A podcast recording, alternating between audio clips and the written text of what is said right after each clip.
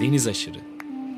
Bozcaadalılar, adaya yolu düşenler ve adanın kıyısına vuranlar. Deniz Pak, Bozcaada'daki stüdyosundan İstanbul'a sesleniyor. Her salı saat 11'de 94.9 Açık Radyo'da. Türkiye için rüzgar enerjisi üreten Demirer Enerji'ye katkılarından dolayı teşekkür ederiz.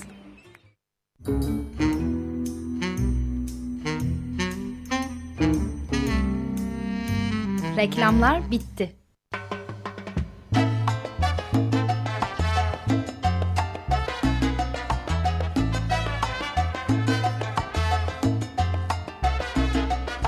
Açık Radyo. Şimdi ve burada. Desteği için Açık Radyo dinleyicisi Murat Buyurgan'a teşekkür ederiz.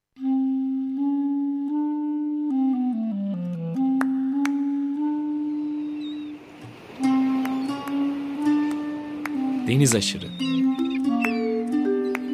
Bozcaadalılar, adaya yolu düşenler ve adanın kıyısına vuranlar. Hazırlayan ve sunan Deniz Pak.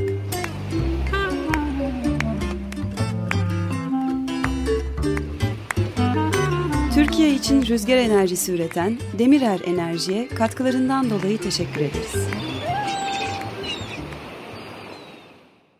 94.9 Açık Radyo'da yeni bir Deniz Aşırı programından herkese merhaba. Tüm dinleyicilerimizin 19 Mayıs Atatürk'e anma Gençlik ve Spor Bayramı kutlu olsun diyerek bu haftaki programa başlayalım. Ee, bu hafta aslında çok da planlamamıştık ama nefis bir doğa sporcusuyla programı yapıyor olacağız. Ee, yine geçen hafta olduğu gibi program konuğumuz Hakan Öge olacak. İspanya'nın Dağ Köyü'nden gerçekleştiriyoruz. Yine deniz aşırı bir sohbet gerçekleştireceğiz. Hakan'la sohbetimize kaldığımız yerden devam edeceğiz. Hakan merhaba. Merhaba. Geçen haftadan bu yana e, nasılsın? Her şey yolunda mı? Allah her şey yolunda. Ee, hayat işte e, son hız e, devam ediyor. E, bu aralar burada hava biraz işte serinledi. E, e, biliyorum ki e, Türkiye'de bayağı işte e, sıcak var mevsim normallerinin dışında. E, burada da mevsim normallerinin altında e, soba falan yakıyoruz. Yağmur yağıyor sürekli. Ondan sonra işte bir iki güne kadar atacak hava e, ama durum böyle. Yani e, biraz kış moduna girdik bu aralar. Evet, gerçekten tercihiniz olağanüstüymüş. Ona da diyecek bir şey yok ama anladığım kadarıyla birçok veriye bakarak oraya yerleştiğinizi biliyorum. Ee, doğru. Ee, sonuçta Toroslardaki e, e, adresimizi değiştirirken internetteki bu işte e, 10 senelik, 20 senelik e, e, hava projeksiyonları yapan programlar, e, meteorolojik projeksiyonlar. Bunlar e, tabii epey datayla ve bilgisayar programlarıyla hazırlanmış e, programlar. Avrupa'da e, şu anda bulunduğumuz bölgenin e, havasının fazla değişmeyeceğini öngörüyordu. Yani işte hava birazcık ısınıyor ama yağış e, azalmıyor. E, tabii bunlar e, ne derece doğru çıkacak tartışılır. E, çünkü bu iklim değişikliği kolay tahmin edilebilir e, bir şey değil. Çünkü çok fazla değişkeni var. E, ama aşağı yukarı işte 3 senedir buradayız. 4. seneye giriyoruz. E, şimdiye kadar öngörüler e, tutuyor gibi gözüküyor. Burada hava gayet istikrarlı olarak yağışlı ve ısı da o kadar e, rahatsız edecek kadar e, artmadı. Ama görüyorum ki Türkiye'nin e, bulunduğu coğrafyada e, sürekli e, rekorlar kırılıyor. Sürekli e, daha kuraklaşıyor hava. En azından biz e, sanki şu anda doğru bir karar verdik gibi e, görünüyor ama tabii e, çok endişe verici durum. Tarihte görülen en sıcak yıl olacağı öngörülüyor bu sene için. Evet öyle diyorlar. E, bakalım.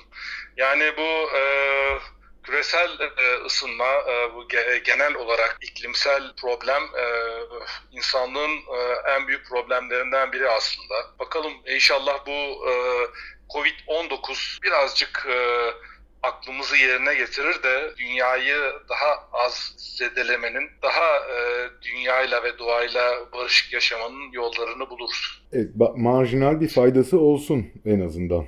En azından evet. Yani evet. bir işe yarasın. evet, evet.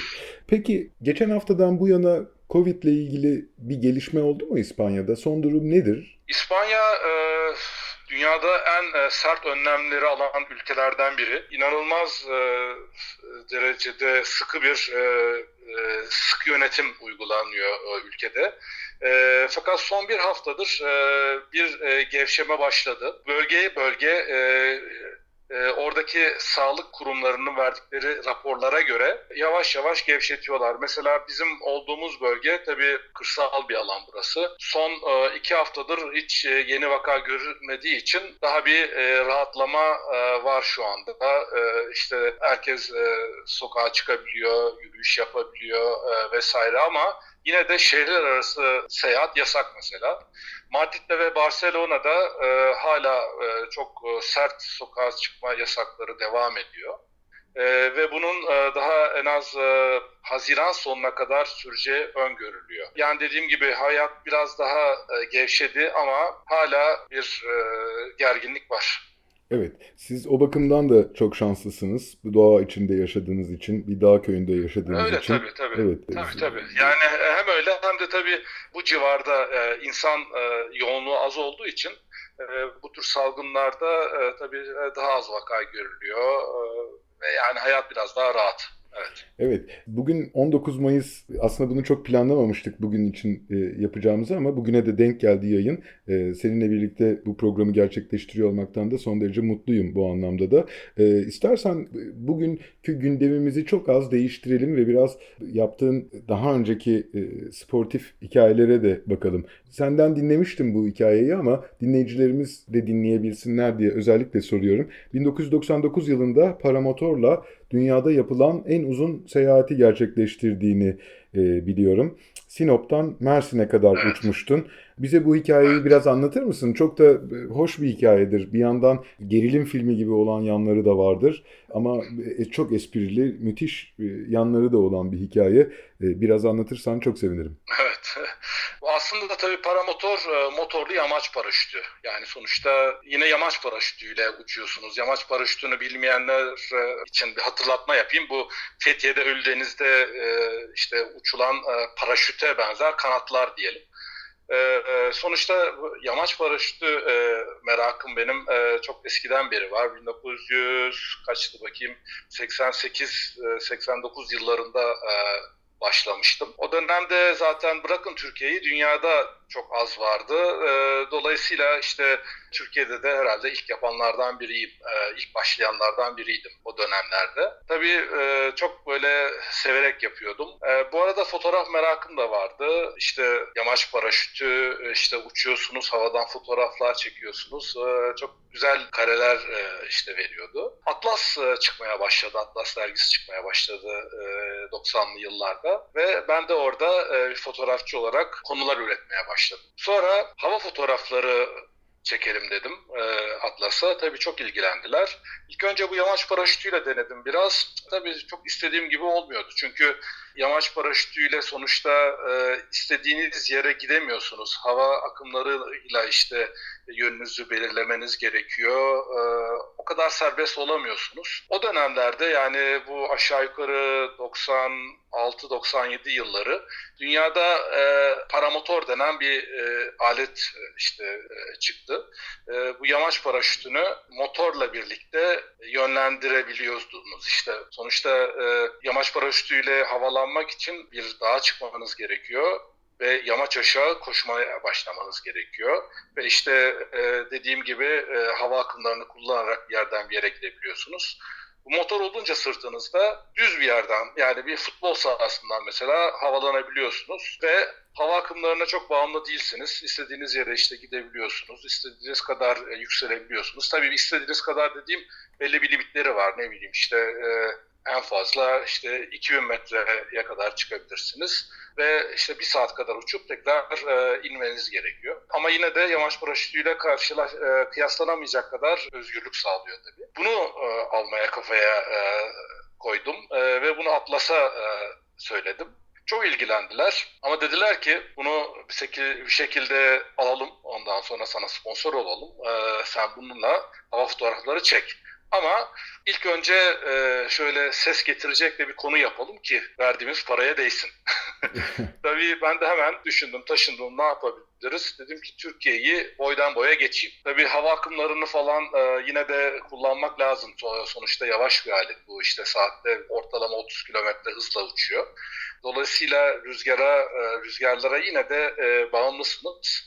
Yaz aylarında e, rüzgar genellikle e, Türkiye'de e, kuzeyden güneye doğru e, eser yani kuzeyli rüzgar rüzgarlar hakimdir. O yüzden dedim ki e, Türkiye'nin en kuzeyinden en güneyine e, uzun bir uçuş yap yapayım. O da aşağı yukarı bin kilometrelik bir yol. E, bunu e, söyledim. Ondan sonra tabii çok heyecanlandılar. Çünkü daha önce yapılmış bir şey değil. Yani şimdi şöyle düşünün. Tabii bu deniz e, programı. Denizden bir yerden bir yere gideceksiniz. Diyelim işte e, buradan kalkacaksınız. E, atıyorum Fransa'ya gideceksiniz. Bu konuyla ilgili e, hiç daha önce yapma, yapmamış olsanız bile daha önce yapmış olanların e, hazırladıkları işte pilot e, kitaplar var, rehberler var, internet var. Bir şekilde başkalarının tecrübelerinden faydalanıp rotanızı çözebiliyorsunuz. Ama bu benim yapacağım olayı hiç kimse yapmamış daha önce. Bu çünkü çok böyle e, basit bir alet, hep böyle e, eğlencelik bir alet. İşte deniz kenarında e, hava iyi olunca işte bir saat uçuyorsunuz iniyorsunuz. Yani kalkıp böyle dağları e, falan aşarak bin kilometre yol yapmak daha önce hiç e, yapılmamış bir şey. Dolayısıyla işte biraz yamaç paraşütü tecrübelerime e, güvenerek biraz işte genel e, doğa e, e, sporculuğu tecrübelerime güvenerek birazcık da gözü karalılıkla bu işe giriştim. İlk önce şey yok e, tabii o zamanlar bu Google Map falan yok. Ondan sonra internet son derece e, kısıtlı. Bütün bu yolu ilk önce karadan e, geçmeye karar verdim. Karadan geçerek kalkış ve iniş e, noktaları nereler olabilir aşağı yukarı e, bir e, gözden geçirdim e, ve kaba taslak bir e, rota hazırladım. Ondan sonra ayını tam hatırlamıyorum şimdi ama zannediyorum Temmuz e, gibiydi. Sinop'tan e, bir ekiple birlikte buna start verdik. İşte e, e, bir ekip beni yerden izleyecekti. Yani bir ekip dediğimde bir araba ondan sonra. Ben işte bir, bir buçuk saat uçacağım e, aramıza telsiz e, irtibatı var. Ondan sonra indiğim yer, yerden bana e, benzin takviyesi yapacaklar ve oradan tekrar kalkacağım. Bir saat kadar uçacağım. Böyle böyle böyle böyle derken işte bin kilometreyi tamamlayacağız. Plan e. İlk başta iyi işledi plan. Fakat işte bakayım kaç ikinci ya da üçüncü gün e, civarında Kapadokya civarında problem çıktı. İşte aletin perva pervanesi kırıldı, egzosu koptu, bir şeyler oldu ondan sonra e, ve e, motor e, kullanılamaz hale geldi. Ben uçuyordum tabii bu arada ve e, motorsuz olarak e, süzülerek e, indim oraya. Tabii e, orada bir ara vermek zorunda kaldık. Bu arada e, bütün bu olaylar sırasında bir parmağım kırıldı. Tabii ben bu, bütün bunlar havada oluyor. Ondan sonra pervane paramparça oldu vesaire. Neyse ben Kapadokya'da e, mecburen işte iniş yaptım. Ondan sonra bu yedek parçaları alabilmek için İtalya'ya gitmem gerekti. İşte çok hızlı bir şekilde İtalya'ya gittim geldim aşağı yukarı bir hafta falan sürdü bu olaylar. Bu arada parmağımda tabii kırık. Ee, o parmağı da e, bir tornacıdan e, bir atel gibi bir şey yaptırdım. Ondan sonra e, e, çok da vahim değildi. E, yani e, röntgen falan çekildi. E, ufak bir kırık vardı ne yapacaksın? İşte bir şekilde e, alçı alacağız dediler. Yok dedim yani böyle bir şey olamaz. Tornacı, tornacı da e, bir tane şeyden ne derler e, sert bir plastiği e, ikiye e, böldürdüm onu. Çok güzel parmağıma göre oturttum. Üzerinde sardık. Güzel oldu işte. Ee, onun da aşağı yukarı bir işte bir ay falan o şekilde yaşadım. Ondan sonra gayet güzel iyileşti, geçti gitti. Paramotorda ee, da engel olmayacak şekle getirdin onu tabii. Tabii tabii paramotor tabii o şekilde uçtum ben. Sonra işte İtalya'ya gidiş gelişim de başka bir e, macera. Çünkü çok kısıtlı zaman e, ondan sonra bu gidiş geliş uçaklarını böyle e, iki günlük böyle e, arayla almışız. İtalya'da işte bir koşturmaca e, ara, araba kiraladım. Ellerinde yoktu işte yapmalarını bekledim vesaire. Hem pervane aldım oradan hem de işte kopan egzosu aldım. Ondan sonra e, uçak benim için e, kapısını açtı falan yani resmen uçağı kaçırıyordum çünkü. Ondan sonra e, bir şekilde e, kabul ettiler beni. Ondan sonra tabii e, öyle olunca eşyalarım İtalya'da kaldı. Sonra bir gün onu bekledik. Sonra eşyaları eşyalar benim arkamdan geldi vesaire vesaire. Tam bir şey e, bir haftalık bir inanılmaz stres dolu zamanlar bunlar. Sonra malzemeyi alıp tekrar Kapadokya'ya döndüm. Oradan başka bir yer ekibi e, bu sefer geldi. Çünkü e, e yer ekipleri sonuçta arkadaşlarımız, e, eşimiz, dostumuz. Tabii e, bu işe başlarken diyoruz ki işte bir hafta 10 gün sürer en fazla ama tabii böyle bir olay olunca o bir hafta 10 gün oldu bir ay vesaire. Tabii insanlar o kadar bekleyemiyor. Yer ekibi değişti. Başka bir e, ekiple devam etmek zorunda kaldık. Sonra Kapadokya'dan sonra neyse ki hiçbir problem çıkmadı. E, yine işte ine kalka, ine kalka, ine kalka Anamur'da olay bitti.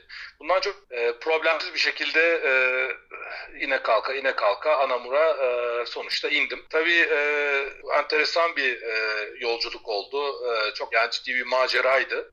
Bunlardan çok güzel bir e, derleme yaptık. Hem ben fotoğraf çekmiştim, güzel böyle bir konu oldu.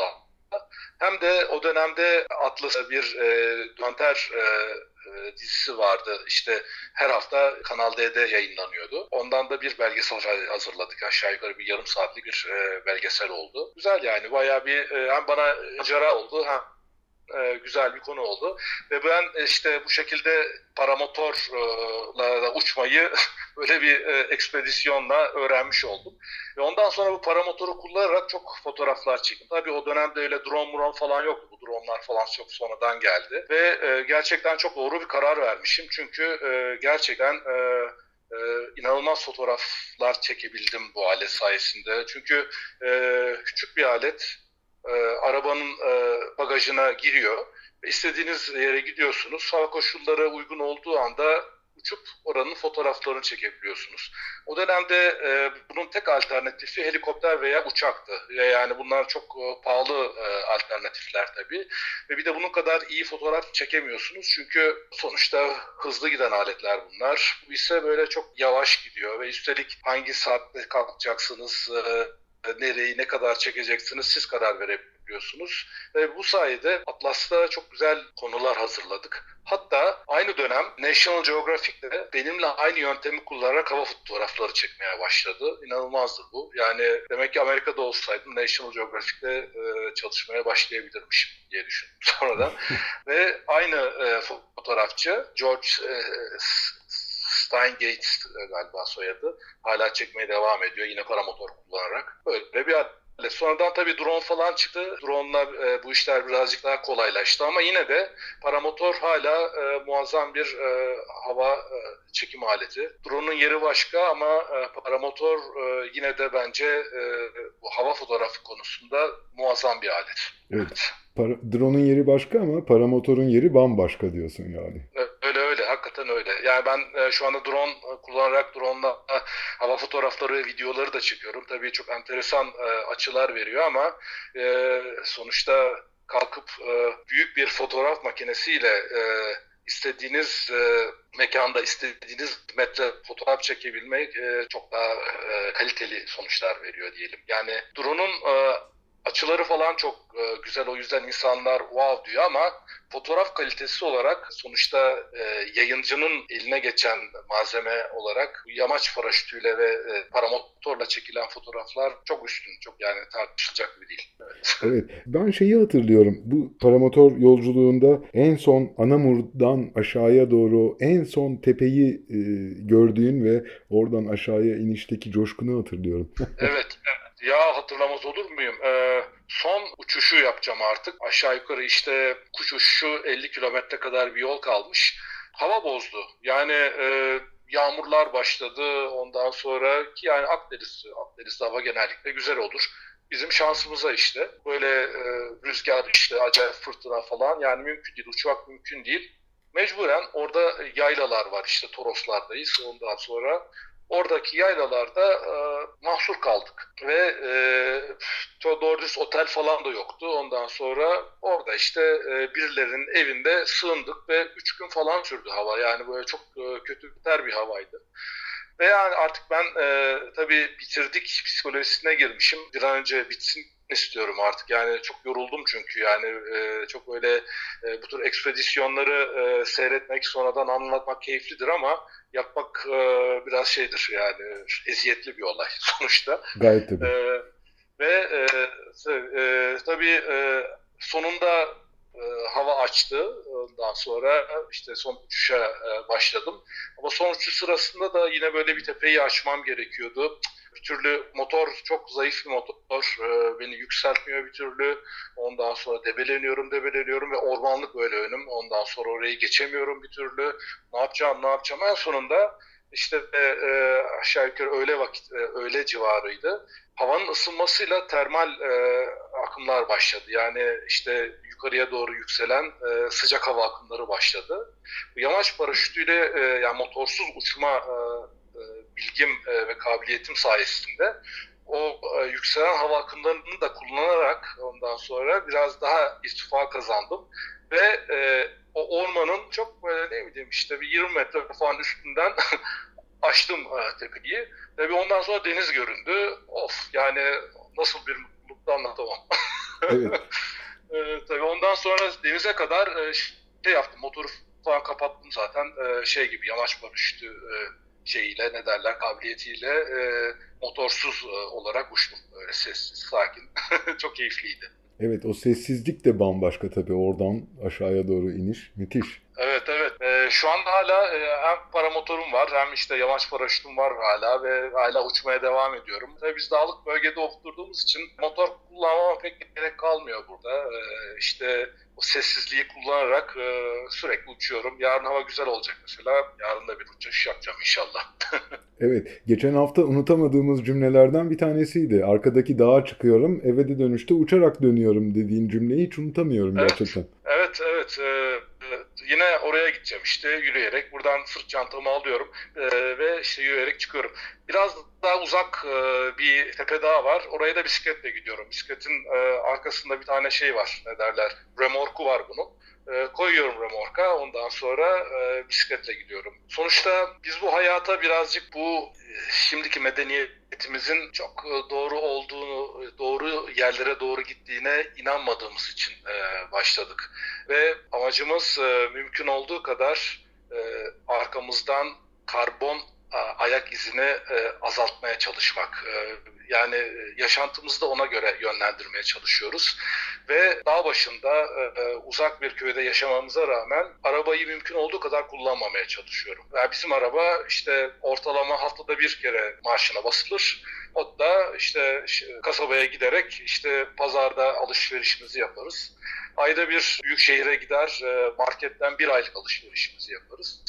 Ve eğlence için ne derler işte bu işte e, uçmaydı, kaçmaydı ondan sonra ya kendimizi eğlendirmek için arabayı kullanmamaya çalışıyoruz elimizden geldiği kadar. O o yüzden yamaç paraşütüne de ya yürüyerek gidiyorum ya bisikletle gidiyorum. Evet ya e, o kadar çok detay var ki aslında paramotorla bu yolculuğa çıkmadan önce biliyor muydun böyle bir rekor kıracağını? Bu mesafenin e, daha önce test edilmemiş olduğunu tabii ki biliyordun araştırmaların sonucunda ama e, rekora da yönelik bir hareket miydi bu? Kesinlikle rekora yönelik değildi. Benim tek amacım Türkiye'yi boydan boya geçip orada işte e, fotoğraflamaktı e, Türkiye coğrafyasını. Ben bunu sonradan benim arkadaşlarım bana e, söylediler. İşte yabancı bir dergide Cross Country denen İngilizce bir dergi vardır. E, işte yamaç paraşütü ve paramotorla ilgili e, yayın yapar bu.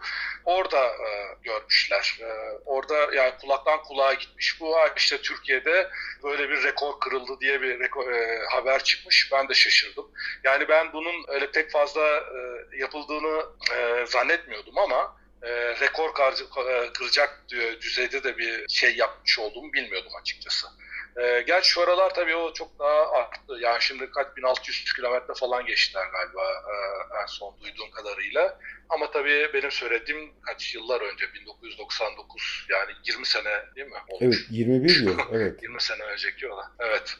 müthiş Ee, gerçekten. Dolayısıyla o dönem için, o dönem için e, öyle bir rekormuş. Ama tabii ben öyle bir rekor e, girişiminde e, bulunmadığım için ne, ne Guinness'e gittik ne noterler falan huzurunda bir şeyler yaptık. Böyle kendi kendimize eğlendik. harika gerçekten harika. İnanılır gibi değil. Ya senin bu arada spor yaparken dinlediğin müzikleri de çok iyi biliyorum. Geçen hafta çalamamıştık. Bu hafta istersen bir tanesini çalabilelim en azından. Ee, hangisini evet. dinleyelim? Vallahi işte spor yaparken beni gene e, böyle e, iyi havaya sokacak müzikleri, e, canlı müzikleri tercih ediyorum. En sevdiklerimden bir tanesi Mon Horizon'dan Make It Real diye bir parça. Nefis bir groove yani gerçekten dinliyoruz.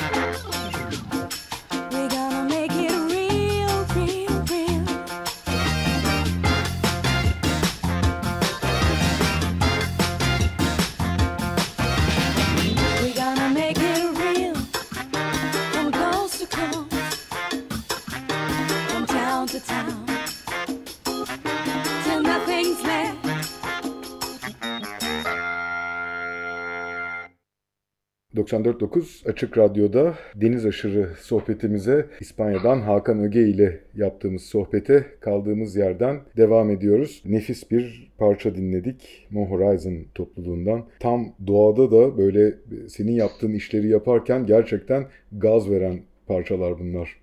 Evet aynen. aynen. Ee, harika. Koca köpekler evde yaşıyorlar ya. Çok acayip. Çok alıştılar evde eve girmeye. Harika ya. Harika. Paramotor macerasını en güzel şekilde dinlediğimize inanıyorum programın ilk bölümünde. E, istersen şimdi aynı zamanda da kronolojik bir sırayla da gitmiş oluyoruz. Bu yıl ikinci baskısı yayınlanan Magellan'ın izinde kitabına yazdığın Magellan'ın izinde kitabına istersen bakalım. Daha sonra 2004 yılıydı galiba değil mi seyahate başladığınız zaman Hakan? Evet 2004. 2004, 2004 yılı e, Mayıs, Mayıs, Mayıs ayında. başında başlamıştım. Evet. Evet, 2004 yılı Mayıs başında Magellan'ın izinde, Magellan'ın rotasını takip ederek e, tüm dünyayı e, yelkenliyle tek başına dolaşmak üzere yola çıktın. İlk olarak neden Magellan'ın izinde onun rotasını takip ederek çıktın? Bunu sormak istiyorum. Hem de aynı zamanda Naviga yayınlarından çıkan Magellan'ın izinde kitabının da biraz içeriğine e, bakmış olalım. E, senden bu hikayeyi de dinleyelim. Evet, tabii benim e, e, çok e, hızlı yıllarım bunlar. E, bayağı bir atlas.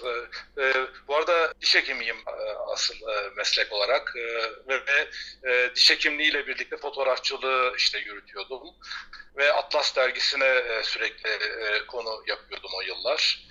E, ve yaptığım konular da hep böyle işte macera, ondan sonra ekspedisyon, doğa sporları, e, işte yamaç paraşütüyle uçuyorum, paramotorla işte rekorlar kuruyorum, ondan sonra dağlara tırmanıyorum vesaire vesaire böyle bir hayat tarzı. İşte diş hekimliğiyle nasıl beraber sürdürüyorsun diye soranlar için de babam da diş hekimi. İşte o sayede kaçamaklar yapabiliyordum. e, e, ve tabii Atlas da beni e, destekliyordu maddi olarak. E, dolayısıyla bir şekilde e, vakit ayırabiliyordum ondan sonra ve e, hakikaten çok sevdiğim bir hayat tarzıydı e, ve dolu dolu yaşıyordum. Atlas için daha doğrusu Atlas için değil tabii en başta kendim için e, bir proje vardı kafamda. E, Güney Kutbu'na e, yürüyerek gitmek. Desteksiz olarak Güney Kutbu'na yürüyerek gitmek.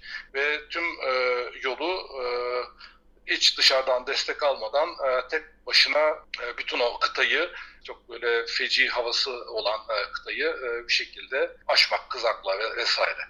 E, ve buna hazırlanmaya başlamıştım.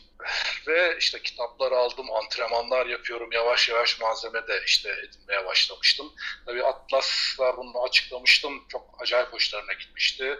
Ve sonuna kadar beni destekleyeceklerini söylemişlerdi vesaire vesaire. Bu işte paramotor seyahatinden sonra 2000'li yılların başlarında olan e, olaylar. Yavaş yavaş proje gelişiyordu. Bu sırada bütün bunlar olurken ailecek e, bir tekne sahibi olmuştuk. İşte bu Mardek. Ve bu tekneyle de işte ufak tefek e, yolculuklar yapıyorduk. Ve ben e, çok fazla benim yelken bilgim yoktu ama işte çok küçüklüğümden beri windsurf ya, yapıyorum. O yüzden işte e, genel olarak e, işte yelken e, bilgim, rüzgar bilgim vardı e, ve onları e, kullanarak işte bir şekilde avrayabiliyordum. Çok bir tekne değildi zaten. 32 fitlik e, işte küçük sayılabilecek tekne. Dolayısıyla problemsiz olarak e, tatillerimizde işte e, sağa sola gidebiliyorduk e, onunla. Bu tatillerden birinde Marmaris'te tekneyi e, kıyıya yanaştırırken e, işte bir e, solugan geldi. Çok işte tekne yalpa yapmaya başladı. İskeleye vurmasın diye e, tekneyi itmeye çalıştım. Ve bu esnada da hiç e, yapılmayacak bir şey yapıp ayağımla itmeye çalışmışım. Tabii o e, panikte insan pek e, ne yaptığını e, fark edemiyor. E, ve ayağım e, tekneyle iskele arasına sıkıştı ve paramparça oldu. Of. Böyle bir durum. Tabii. Ve e, işte apar topar e, ameliyatlara girdim çıktım. Ondan sonra bir 6 ay falan sürdü bu hikayenin iyileşmesi. Ve e, tabii benim bu e, kutuplara yürüyerek gitme projem e, yattı açıkçası. Yani böyle bir e, toparlama falan da kalmadı. İyi iyileşmiş gibi gözüküyordu ama e, pek alına, göze alınabilecek bir e, risk değil bu e, açıkçası. E, çünkü tek başınasınız ve hakikaten çok böyle tamamıyla e, fit olmanız gerekiyor ki e, ölmeyesiniz. Sopa sağlayayım. E, bir şekilde ekspedisyonu bitirebilirsiniz ve geri gelesiniz. Geri, geri gelebilirsiniz. E, dolayısıyla ben o bu ekspedisyondan vazgeçmek zorunda kaldım ve ama işte içimde yanıp tutuşan böyle bir macera, macera bir şeyler yapmalıyım e, isteği var. Tekne var. İşte ne yapayım? E, bu tekneye atlayayım. E, e, tek başına dünya turu yapayım diye bir fikir geldi aklıma. Ondan sonra birazcık e, araştırmalara başladım. Uh, tek başına dünya turu yapan bir dolu insan var tabii Türkiye'de değil ama e, dışarıda.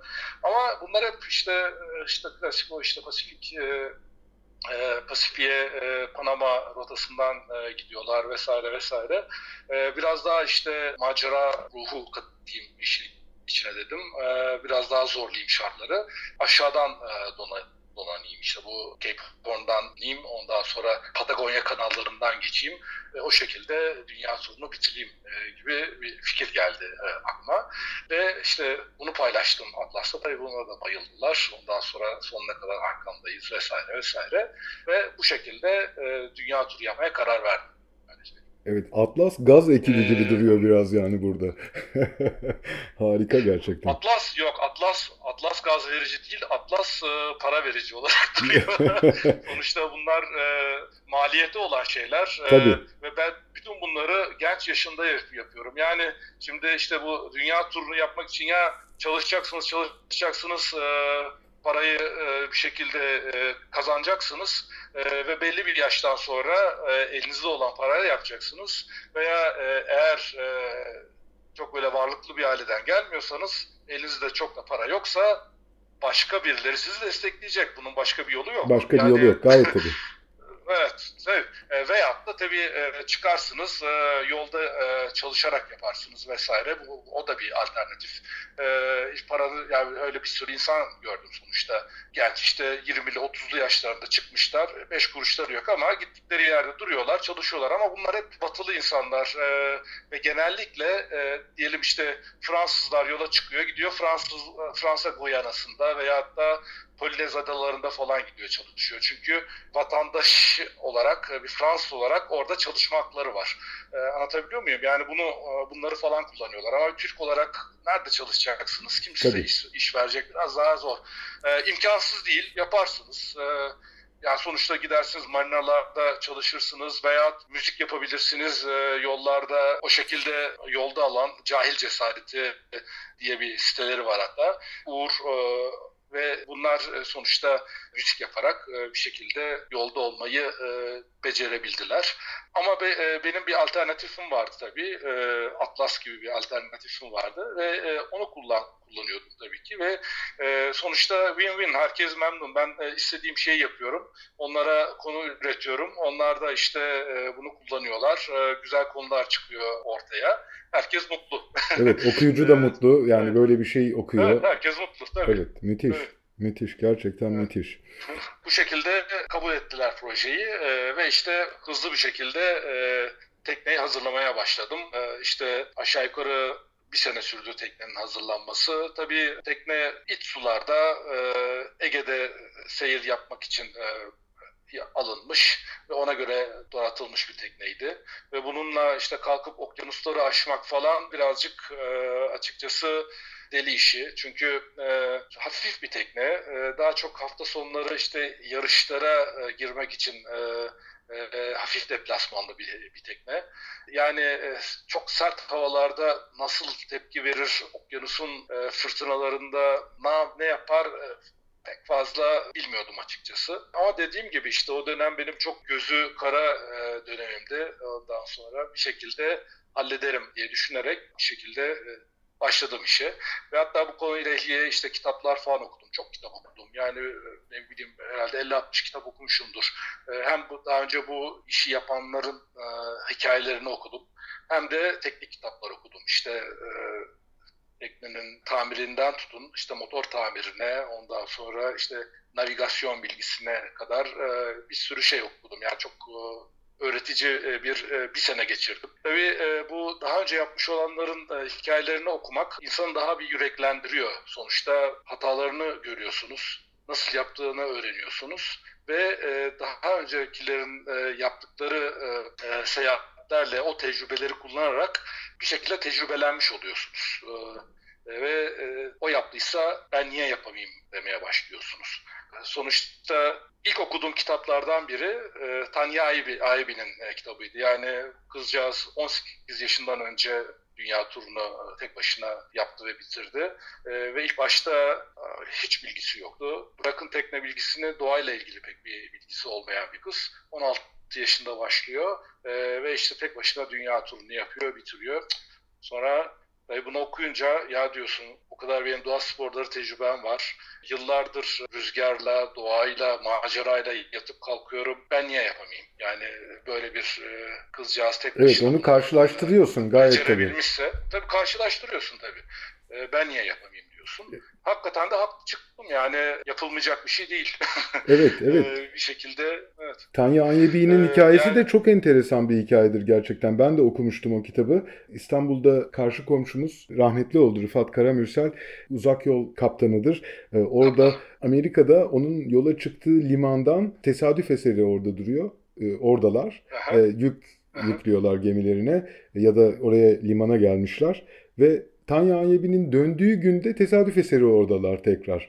Yani e, Aa, çok güzel. çok e, müthiş bir tesadüfle bu hikayeyi anlatmıştı. Ben de oradan biliyorum. E, kitapta o korsanlarla olan mücadelesi, işte peruklar takıp evet. berduş birisi gibi var olması, denizde doğayla, denizle, rüzgarla barışması, ilk önce hiçbir şey anlamaması, sonradan ona vurulması, tutkun olması ve bütün bunlara babasının müsebbip olması. Yani 16 yaşında bir kıza bir tekne alıyorsunuz, evet. bir miktar para veriyorsunuz ve e, git kızım dünyayı dolaş diyorsunuz tekneyle.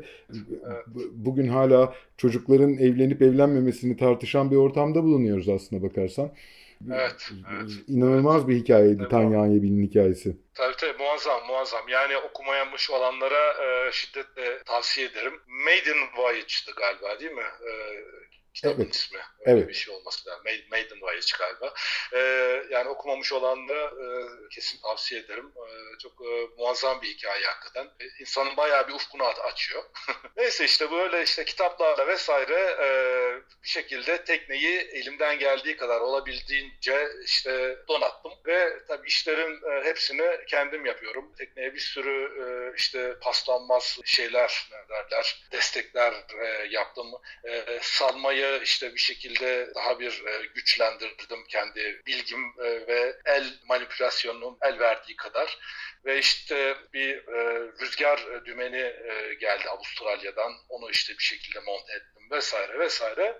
E, işte bir sene içinde tekneyi hazırladım. Tekne bu işte ben bu esnada tabii İstanbul'da yaşıyorum.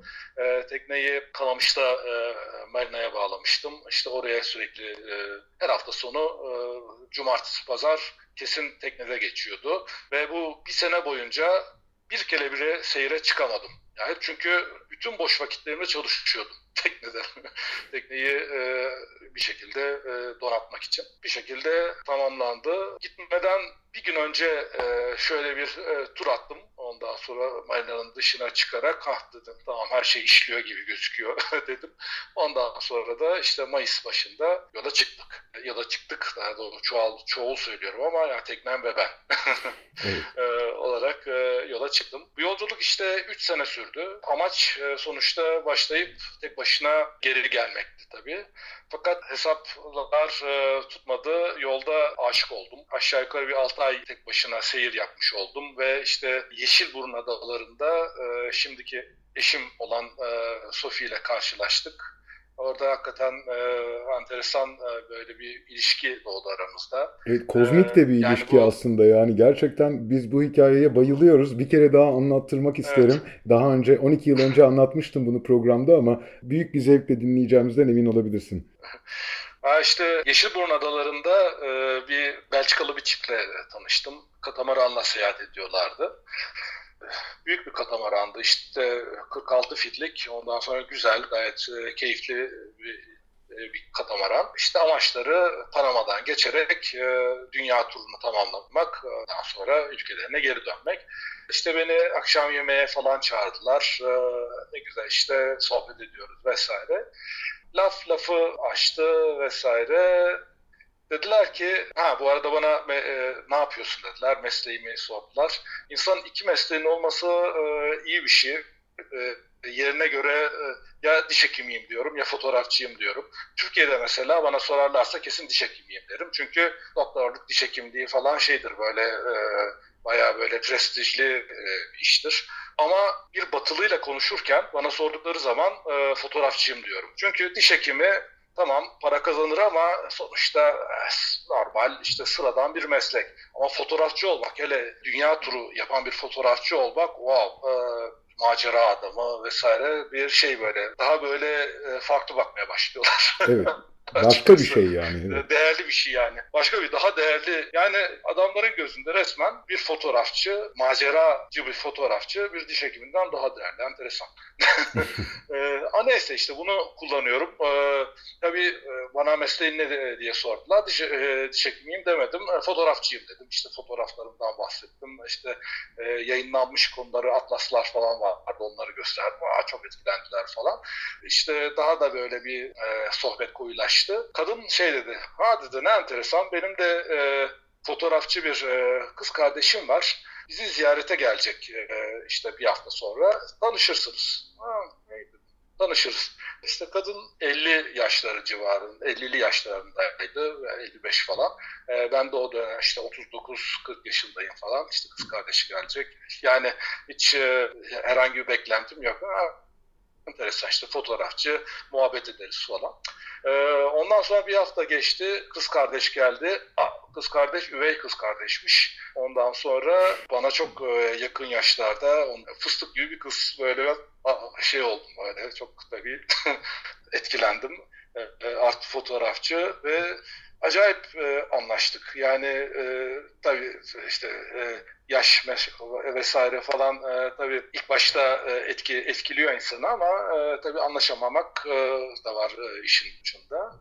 Ama çok e, iyi gelişti. Çok enteresan e, bir ilişki başladı aramızda. Ve orada adada kaldığımız 10 günü beraber geçirdik. E, benim tekneye taşındı resmen. Ondan sonra beraber fotoğraflar çektik. Ondan sonra işte e, sürekli muhabbet ediyoruz. Ondan sonra e, çok böyle benzer e, dünya görüş görüşlerimiz falan olduğunu fark ettik vesaire. Ondan sonra e, bir şekilde bu ilişkiyi sürdürmeye karar verdik. Ama nasıl sürdüreceğiz? Dedim ki vallahi ben tek başına dünya turu yapıyorum. Ve bu sonuçta e, yayınlanıyor bir yerde. Ondan sonra sponsorum var. E, bu bir şekilde böyle devam edecek. Ne yapalım? İşte arada bir görüşürüz. Nasıl görüşürüz? İşte adalardan sonra e, Atlas Okyanusu'na geçeceğim. Karşıda amacım benim Karayiplere gitmek. Karayipler'de işte çıktığında da buluşuruz. O da sonuçta tekneyle birlikte, e, ablasıyla birlikte e, Atlas Okyanusu'nu geçecek. Tabii bu geçiş sırasında onlara yardım edecek vesaire ama çok.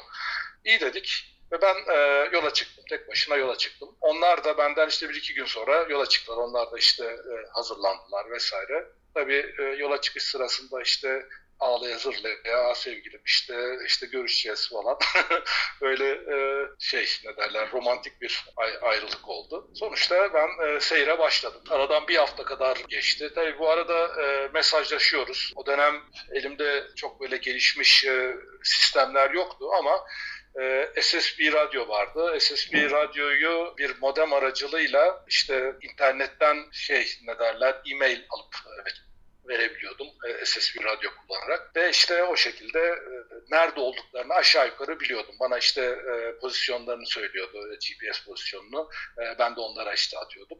Yani benden çok uzakta olmadıklarını teorik olarak biliyordum. Ama yine de onların teknesi tabii katamarandı. Pupa e, yelken gidemiyor. Genellikle işte çok geniş apazlarla böyle zikzaklar çizerek gidiyorlar. Dolayısıyla aynı rotayı izlemiyordum. Ben işte pupa yerken e, e, sallana sallana yoluma devam ediyordum. Bir gün işte sabaha karşı saat 4-5 civarı zannediyorum. Daha hava daha aydınlanmamış. Tabii tek başına olduğum için yarım saatte bir kalkıyorum, saat e, kuruyordum. Yarım saatte bir kalkıyorum, etrafa bakıyorum, tekrar işte uyumaya çalışıyorum vesaire. Tavşan uykusu gibi e, biraz. Saat işte 4-5 civarında bir baktım e, ufukta bir ışık. Yani bir haftadır ilk defa insan yapısı bir ışık görüyorum.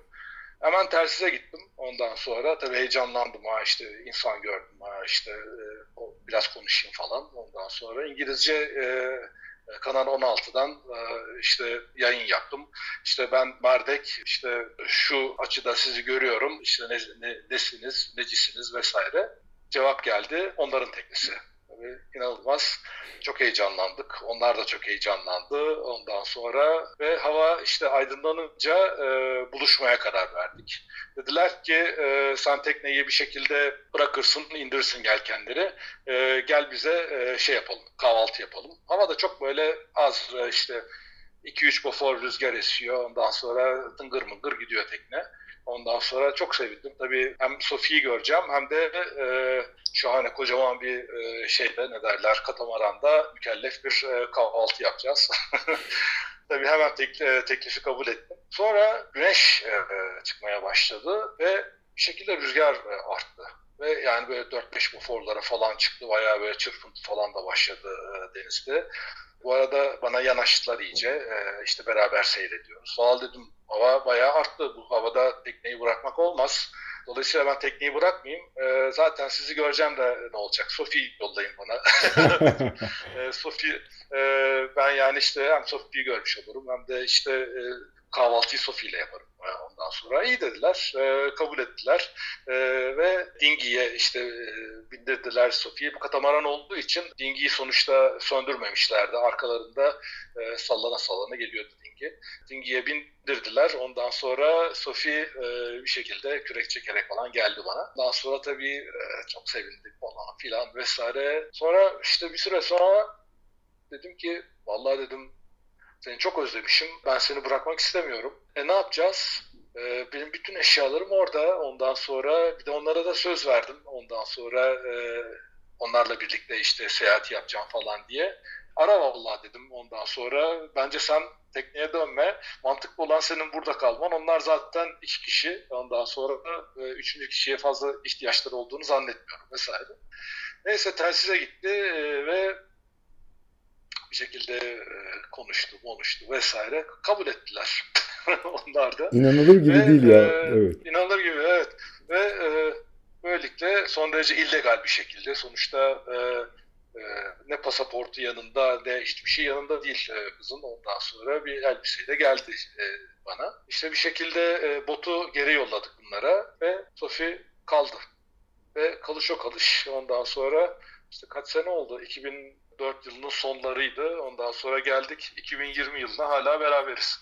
Müthiş. Birlikteliğiniz daim olsun. Harikasınız. Ee, Evet, bayılıyoruz. sağ olun. Ee, Hakan, Sağ ol. bu hafta da programın sonuna geldiğimizi görüyorum. Ee, hala konuşacağımız çok konu var. İstersen önümüzdeki hafta bir kez daha uzatalım mı bu yayını? Olur valla. Neden olmasın? Tamam. Benim vaktim var.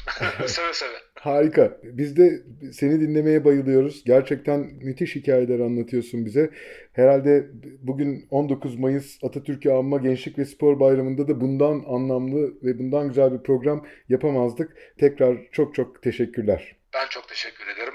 Herkesin 19 Mayıs Gençlik ve Spor Bayramı kutlu olsun bu arada. Ee, önümüzdeki hafta Salı günü saat 11'de Hakan Öge ile sohbetimize kaldığımız yerden devam ediyor olacağız.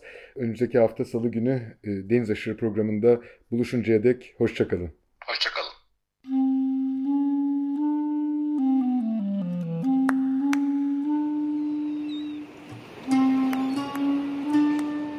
Deniz aşırı. Bozcaadalılar, adaya yolu düşenler ve adanın kıyısına vuranlar.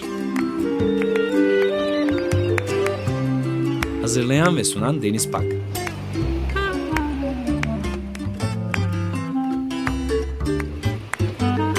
Türkiye için rüzgar enerjisi üreten Demirer Enerji'ye katkılarından dolayı teşekkür ederiz.